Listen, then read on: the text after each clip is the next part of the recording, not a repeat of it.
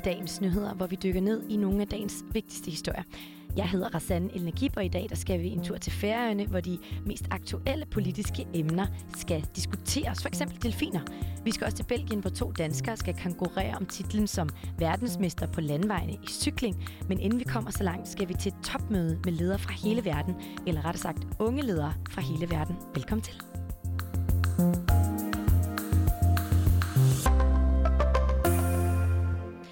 Hvordan skal fremtiden se ud? Det er et ret stort og også meget komplekst spørgsmål, må jeg sige. Men det er et vigtigt spørgsmål at få svar på, for fremtiden kommer jo ikke til og øh, kommer ikke af sig selv, og den tilhører jo os unge. Og derfor skal der i dag afholdes Children's General Assembly, som er en slags pendant til det kommende FN-topmøde i New York.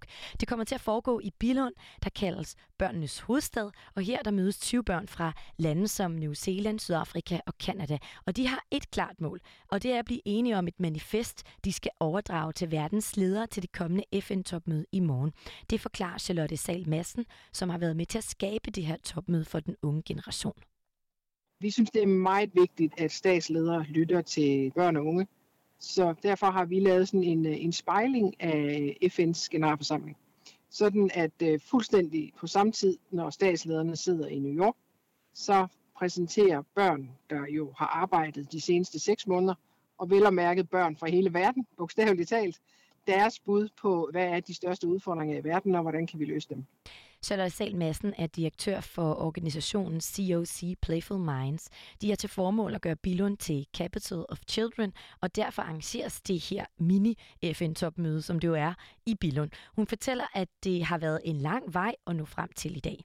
Der er 80 børn. De har arbejdet meget her sammen i weekenderne i hele foråret på tværs af tidszoner og øh, er så kommet op med bud på, hvad er de store udfordringer, og hvordan kan man løse dem? Hvad kunne være gode råd og inspirationer til statslederne? Og hvilken leder i verden vil ikke synes, det var særdeles vigtigt at lytte til børn og unges bud? Ja, en af dem, som skal komme med forslag til statslederne, er 14-årige Digte Ø Christensen. Hun er vært for børnenes topmøde, og hun mener, det er vigtigt, at børn fra hele verden får lov til at komme med bud på, hvordan fremtiden skal se ud. Altså det overrasker mig meget, de forskellige perspektiver, der egentlig har været via det her input, og hvordan egentlig alle sammen har kunnet samarbejde så godt sammen. Vi har alle sammen haft forskellige perspektiver. Øhm, det har man selvfølgelig også, når man er i forskellige kulturer. Øhm, men vi er så alle sammen blive enige, og vi havde alle sammen den samme holdning til sidst, at vi gerne vil gøre verden bedre. Ja, så nu skal Digte Ø Christensen og de andre verdensbørn få deres tanker skrevet ned på et fælles manifest, så de kan overrække det til statslederne i New York. Vi vil særlig gerne have fokus på, at børnenes holdning og mening egentlig kommer ud, øhm, og det egentlig også bliver sådan sat ind i beslutningerne, der bliver lavet ved FN for eksempel. Og de egentlig også skal have en holdning og mening til det, siden at det er egentlig os, der skal leve i den verden, de beslutter for os lige nu.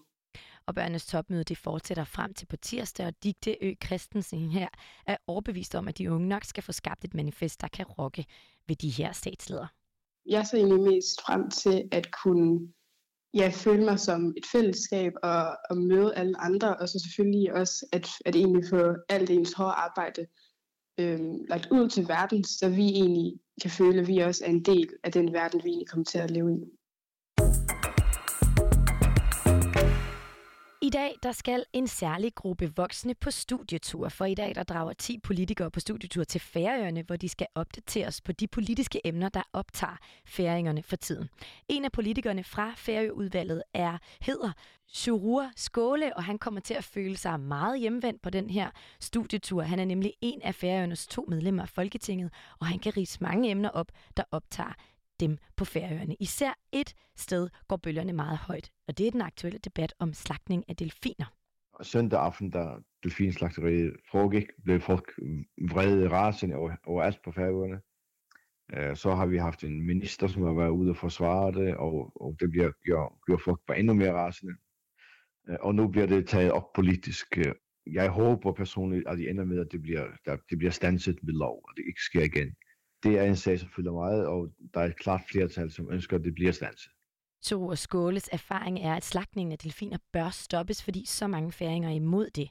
Nationen lever nemlig af at eksportere til andre lande, og den her nye debat om delfinslagtning har skadet færøernes image simpelthen.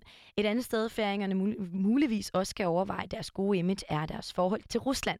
For lige nu er færøerne meget afhængige af deres eksport til Rusland, men det kan kun blive truet af en mulig ny retter, som NATO kunne tænke sig at sætte op på øerne. Der er nogen, der mener, at det, der sker i Nordatlanten i Arktis med opsætning af stedet mere militært isenkram, er begyndelse på en militær optrapning, som vi så under den kolde krig, og derfor bør vi sige nej.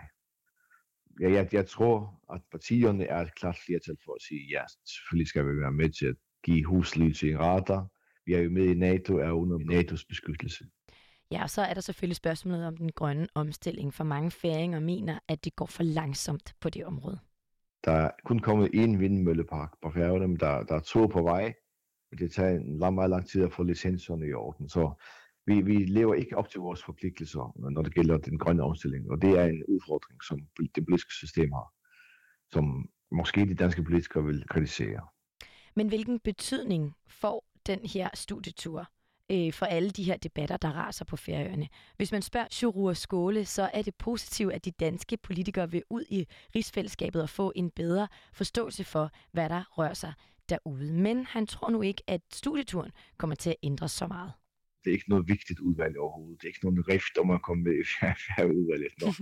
I det, det udvalg, der er aldrig nogen uenigheder eller noget som helst. Man kan uh, arrangere ting på Christiansborg, høringer og den slags, så man kan stille spørgsmål gennem udvalget, men ellers er det et meget low politics område. Et andet sted i verden, hvor bølgerne kommer til at gå højt, er i Belgien, nærmere betegnet Flandern.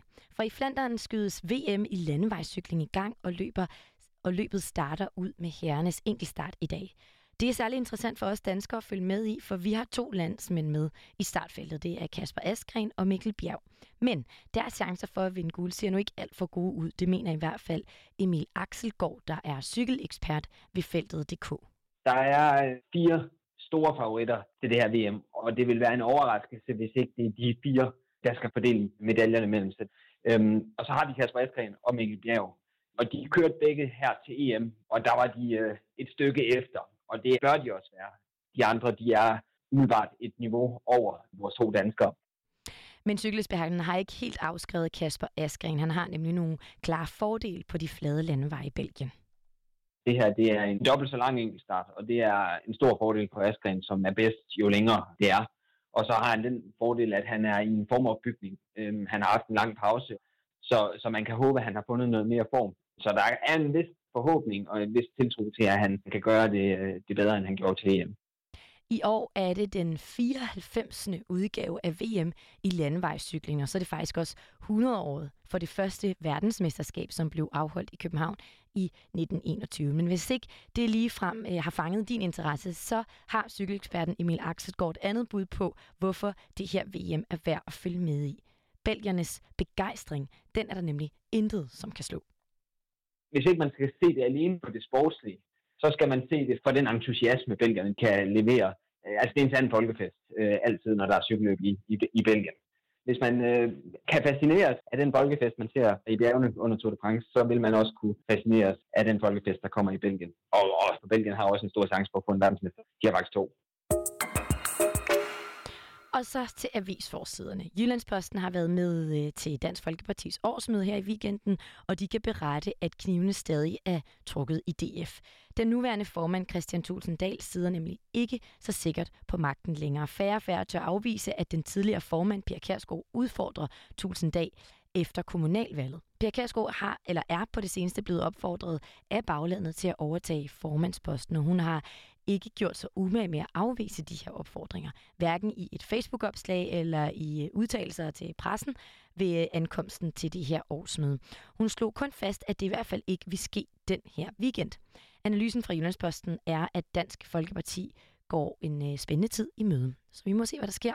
Og så tror jeg ikke, vi når mere i den her udgave af Dagens Nyheder. Og øh, den var øh, tilrettelagt blandt andet af Flora Jul Holst og Lukas Bjerg. Tak fordi du lyttede med.